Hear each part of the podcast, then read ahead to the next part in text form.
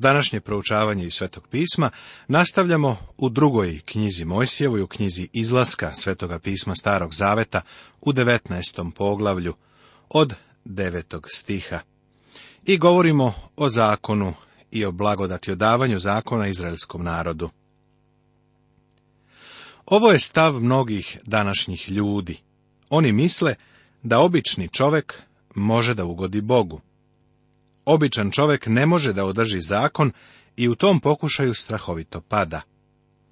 Zakon je bio dat da kontroliše staru prirodu, ali ne može, jer je stara priroda revolucionar, koga je nemoguće kontrolisati. Apostol Pavle to ovako rezimira u poslanici Rimljanima u osmom poglavlju u šestom i sedmom stihu. Kaže, jer telo smera k smrti, a duh smera životu i miru. Zato je stremljenje tela neprijateljstvo prema Bogu, jer se ne pokorava Božijem zakonu, niti može. Ti i ja imamo staru prirodu. Ona je u neprijateljstvu sa Bogom. Ona nikada ne može da bude poslušna Bogu i nikada mu ne može ugoditi. Da li si do tog otkrića došao u svom životu? Da li si otkrio da ne uspevaš da ispuniš Božije standarde? Hvala Bogu što je on nešto drugo pripremio. Ništa od čoveka ne pravi većeg licemera nego reći, ja držim zakon. Niko ne može da dostigne Božje standarde. Pogledaj Izrael. Bog namerava da im da zakon, a oni kažu, samo ga daj, mi smo spremni da ga držimo. Kakvo ispoljavanje samopouzdanja i arogancije. Ipak, mnoštvo je ljudi i žena koji danas tvrde da drže zakon čak i nakon toga što je Bog jasno pokazao da se niko ne može spasiti zakonom, jer niko ne može ni da ga održi. On je od strane izraelskog naroda oproban pod idealnim uslovima. Izrael se priprema za posetu gospoda.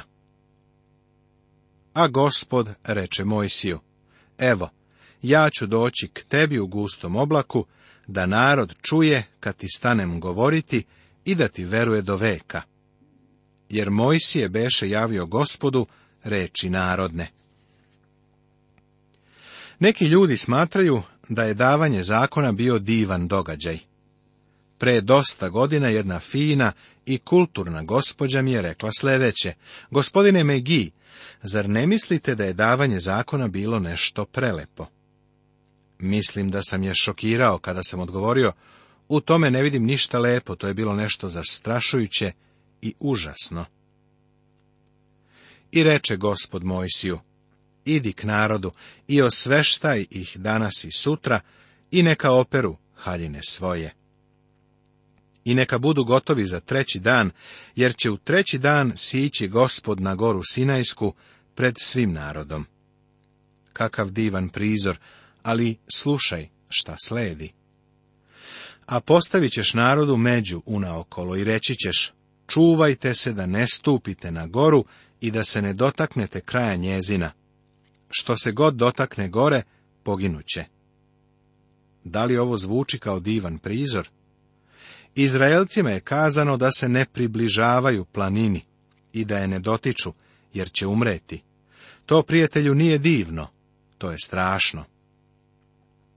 Toga da se niko ne dotakne rukom, nego kamenjem da se zaspe ili da se ustreli, bilo živinče ili čovek, da ne ostane u životu. Kad rog zatrubi, otežući, onda neka pođu na goru. I Mojsije siđe s gore k narodu i osvešta narod i opraše haljine svoje. I reče narodu, budite gotovi za treći dan i ne ležite sa ženama. A treći dan kad bi ujutru gromovi zagrmeše i munje zaševaše i posta gust oblak na gori i zatrubi truba veoma jako, da zadrhta sav narod koji beše u okolu. Ovo nije cirkuska parada koja prolazi, nego je davanje Božijeg zakona. Bilo je to zastrašujuće iskustvo i narod je drhtao od straha. Tada Mojsije izvede narod iz okola pred Boga i stadoše ispod gore. A gora se Sinajska sva dimljaše, jer siđe na nju gospod u ognju, i dim se iz nje podizaše kao dim iz peći, i sva se gora treseše veoma i truba sve jače trubljaše i Mojsije govoraše, a Bog mu odgovaraše glasom. I gospod, sišavši na goru Sinajsku na vrh gore, pozva Mojsije na vrh gore i izađe Mojsije. A gospod reče Mojsiju, siđi, opomeni narod da ne prestupe međe, da vide gospoda, da ne bi izginuli od mene. Neki Izraelci su mislili da će možda vidjeti nešto spektakularno, ali ništa neće vidjeti. Samo će čuti glas, a to važi i do današnjeg dana, da Boga niko nikad nije video. Jedinorodni Bog, koji je u očevom krilu, on ga objavi. I sami sveštenici koji pristupaju ka gospodu, neka se osveštaju, da ih ne bi pobio gospod, a Mojsije reče gospodu, neće moći narod izaći na goru Sinajsku, jer si nas ti opomenuo rekavši, načini među gori i osveštaje. A gospod mu reče, idi, siđi, pa onda dođi ti i Jaron s tobom. A sveštenici i narod neka ne prestupe međe da se popnu ka gospodu, da ih ne bi pobio. I siđe Mojsije k narodu i kaza im. Izraelovo obećanje da će održati zakon je bilo velika greška, koju nikada ne bi učinili da su više poznavali sebe i svoje slabosti. Veliki je kontrast između davanja i širenja zakona i širenja blagodati. Poglavlje 20. Tema Bog Izraelcima daje deset zapovesti. Bog zabranjuje idolopoklonstvo. Efekat Božijeg pohođenja naroda Daju se saveti i uputstva u vezi sa oltarom. Napomena U 20. poglavlju knjige Izlaska ili druge knjige Mojsijeve imamo davanje zakona. Prvo je dato deset zapovesti, ali one su samo deo zakona. Date su i instrukcije u vezi sa oltarom. Zakon i oltar su povezani. Zakon je otkrio da je čovjek grešan i da mu je potreban spasitelj. Mora postojati neki oltar na kome će se prinositi žrtve. Krv se mora proliti radi greha. U svom kupatilu sigurno imaš ogledalo i ono je slika zakona, a ispod ogledala je lavabo. Ne umivaš se ogledalom, ogledalo ti samo otkriva tvoju prljavštinu. Isto tako zakon je ogledalo koje otkriva naš greh. A ispod tog ogledala je lavor za pranje. Postoji izvor pun krvi koji ističe iz Imanuilovih vena i grešnici, zaronjeni taj izvor, gube sramotu svih svojih krivica. Davanje deset zapovesti Prvi deo zakona datog Izraelcima bilo je deset zapovesti. To je moralni kod. Tada reče Bog sve ove reči govoreći. Ja sam gospod Bog tvoj, koji sam te izveo iz zemlje Misirske, iz doma ropskoga. Bog kaže, ja sam te izveo iz Egipta, iz kuće ropstva i na osnovu toga hoću da ti dam moj zakon. Izrael je tražio zakon i Bog ih je obavezao i dao im prvo deset zapovesti. Dok budemo razmatrali deset zapovesti, treba da spomenemo nekoliko stvari. Prvo je novi moral. Nova moralnost potiče od predavanja zakona. U stvari ona je potekla iz Edenskog vrta, kada je čovjek prvi put bio neposlušan Bogu. Novi moral je postojao pre potopa i posle potopa. Danas je on daleko od novoga. Mi volimo da mislimo da smo prefinjeni i prečišćeni grešnici, ali nismo. Mi smo samo grubi, sirovi grešnici, prirodni grešnici. Deset zapovesti pred nas iznose Božije standarde. Nijedan čovek ne može neozbiljno da se ponaša sa deset zapovesti i da se tek tako provuče. Na Blakvelskom ostravu postoji groblje za kriminalce. Na jednom grobu je bio ovakav natpis. Ovde leže posmrtni ostaci Johna Smitha, koji se suprotstavio svome stvoritelju, igrao se sa deset zapovesti i oprostio se od života u 35. Njegova majka i supruga plaču za njim i niko više. Neka počiva u miru. Ovaj nadrobni spomenik je otkrio čoveka koji je pokušao da se inati, sa zakonom Božijim i da ga prezre. Niko ne može da se igra sa deset zapovesti i da izbegne Božju kaznu. Vrlo često se upućuju pritužbe protiv nas koji propovedamo o blagodeti Božjoj. Oni koji nam ih upućuju zameraju nam da dovoljno ne cenimo zakon. Optužuju nas da ga odbacujemo preziremo i da u stvari poučavamo da pošto se ne spasavamo zakonom, onda možemo da ga kršimo nekažnjivo.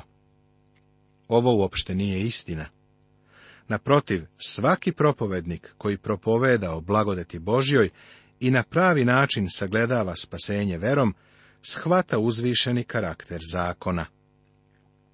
Apostol Pavle na ovaj problem odgovara u poslanici Rimljanima u šestom poglavlju, gde kaže Šta ćemo dakle reći da ostanemo i dalje u grehu da bi se blagodat umnožila? Daleko od toga. Kako ćemo mi koji smo umrli grehu i dalje u njemu živeti? Ako misliš da možeš i dalje živjeti u grehu i voljno kršiti deset zapovesti, onda, prijatelju, nisi spasen blagodaću Božjom. Kada si stvarno doživeo spasenje, želiš da ugodiš Bogu i želiš da ispuniš njegovu volju koja je otkrivena u deset zapovesti.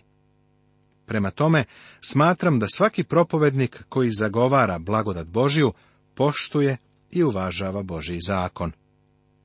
Kao što je psalmista iskazao, o kako volim zakon tvoj i stalno o njemu razmišljam. Šta je zakon? Nekoga je definisao kao prepis Božijeg uma, odnosno mišljenja. Ovo je nepotpuna definicija. Zakon je izraz Božije misli u vezi sa čovekom i onim šta čovek treba da bude. U zakonu uopšte nema ni blagodati, ni milosti. Zakon je izraz svete Božije volje. U psalmu 19. u 7. stihu psalmista kaže Zakon je gospodnji savršen, krepi dušu. Svedočanstvo je gospodnje verno, daje mudrost, neveštome zakon od tebe zahteva savršenstvo. Nikada nisam sreo nikoga ko je dosegao Božije standarde. Zakon nije neka maglovita stvar i nema nikakve veze sa dobrim namerama. On zahteva savršenu poslušnost, jer je zakon gospodnji savršen. Zakon gospodnji je dobar. Naše ideje o ispravnom i pogrešnom su obojene našom okolinom, i pod njenim su uticajem, kao i činjenicom da posjedujemo palu prirodu. Zakon je Božje otkrivenje. Bog je povukao liniju između ispravnog i pogrešnog. Kako znaš šta je ispravno i dobro? Bog nam to govori. Ova sadašnja generacija koja tako strahovito želi slobodu, ispituje šta je dobro. Zašto je loše krasti, pitaju ne smeta im krađa. Ali sviđa im se zapovest ne ubij, jer kažu da je pogrešno ako vlada učini ubistvo kroz pogubljenje kriminalaca. Kako je nedosledna ta masa? Kako ne poznaju zakon? Zašto je loše lagati ili krasti? Zato što Bog kaže da je loše. Možda ćeš reći, to je za dobro čovečanstva, Naravno da jeste. Zakon bi bio divan da čovek može da ga ispuni i održi. Međutim, čovek to ne može, a zatvori, brave na vratima i činjenica da pri pozajemljivanju novca iz banke potpisuješ deset papira, jer ti ne veruju, jesu dokaz činjenice i svedoče o njoj. Nekada je postojalo vreme kada je čoveka obavezivala njegova reč, ali danas to više ne važi. Zakon je norma ljudskog ponašanja. Krađa, laganje i preljuba su pogrešni, jer Bog tako kaže. Zakon se nikada ne sprovodi silom sam od sebe. Zakonodavac mora da ima moć. Bog svoj zakon nameće izvanrednim uticajem. Na ukloni zakon gravitacije. Mogao bi da odeš u visinu koliko god želiš, ali bi bolje bilo da ne daš sebi takvu slobodu. Zakon gravitacije je u funkciji i ne možeš ga preokrenuti, možda misliš da možeš, ali ćeš na kraju biti gubitnik. Mnogi ljudi smatraju da tu i tamo mogu da prekrše deset zapovesti i da se izvuku sa tim. Tome me podsjeća na neobičnu priču o čoveku koji je skočio sa jedne jako visoke zgrade. Dok je jedrio pored petnaestog sprata, neki čovjek je pogledao kroz prozor i upitao ga, pa kako je? A čovjek koji je padao i uzvratio, za sada je još dobro. To nisu prilike u kojima se zakon gravitacije sprovodi silom. Još 50 spratova i čovjek će otkriti, sada više nije dobro. Zanimljivo je to što zakon mora da se sprovodi da bi bio zakon, pa zato Bog kaže u knjizi proroka Jezikilja. 18. poglavlju sljedeće. Duša koja zgreši umreće. Zakon se mora sprovoditi, a prekršilac zakona mora da plati kaznu. Postoji još jedno gledište koje treba ispraviti, a to je mešanje zakona i milosti i njihovo svrstavanje u isti sistem. Staviti zakon i blagodat u isti sistem znači pokrasti zakonu njegovo veličanstvo i smisao. U zakonu nema ljubavi. U zakonu nema blagodati. Blagodat je uskraćena ili pokradena za dobrotu i slavu kada se pomeša sa zakonom. Blagodat ostaje bez svoje čudesnosti, privlačnosti i poželjnosti. Potrebe grešnika se ne susreću, ne ispunjavaju kada se zakon i blagodat povežu. Zakon pred nas iznosi ono što čovek treba da bude. Blagodat pred nas iznosi ono što je Bog. Veličanstvo zakona je nešto što treba da uvidimo. Zakon otkriva ko je Bog, kao i ogromni jaz koji postoji između Boga i čoveka. Apostol Pavle je u poslanici Galatima u četvrtom poglavlju postavio pitanje, kažite mi, vi koji želite da budete pod zakonom, Zar ne čujete zakona? Bolje bi ti bilo da slušaš šta govori zakon, jer je čovek odmeravan u odnosu na deset zapovesti i našao se u siromaštvu. Sebe ne meriš po drugima. Veoma je lako da čovek na planini Vitni pogleda dole na mravlju planinu i kaže, viši sam od tebe. Čovek na Vitniju, međutim, nije na mesecu ili na nebu. Jednostavno, ti ne ispunjavaš Božje standarde. Zakon također otkriva ko je čovek i njegovu nesposobnost da premosti jaz između sebe i Boga. Poslanica Rimljanima, treće poglavlje, 19. stih nam kaže A znamo da sve što zakon govori, govori onima koji su pod zakonom, da se svaka usta zapuše i da sav svet bude kriv pred Bogom. Apostol Pavle u poslanici Rimljanima u osmom poglavlju u trećem stihu kaže sljedeće, jer što zakon nije mogao, zato što je zbog tela bio slab, učinio je Bog na taj način što je poslao svoga sina u obličju sličnom grešnom telu i za greh i osudio grehu telu. Greška dakle nije u zakonu, nego u nama. Kao što smo već vidjeli, zakon je ogledalo koje čoveku otkriva njegovo grešno stanje. Mnogi ljudi se pogledaju u ogledalo i misle da je sve u redu. Ovo me podsjeća na jednu bajku u kojoj se kraljica pogledala u ogledalo i pitala ogledalce, ogledalce, ko je najlepši na svetu? Želela je da je ogledalo kaže da je to ona, ali joj je ogledalo kazalo istinu i reklo da to nije ona već neko drugi. Zanimljivo je da danas mnogi ljudi gledaju u ogledalo u deset zapovesti u reči Božjoj i kažu to isto. Ogledalce, ogledalce moje, reci mi na svetu najlepši ko je. Razlika je u tome što oni sami odgovaraju na to pitanje i kažu ja sam najlepši. Oni misle da drže, odnosno da ispunjavaju zakon.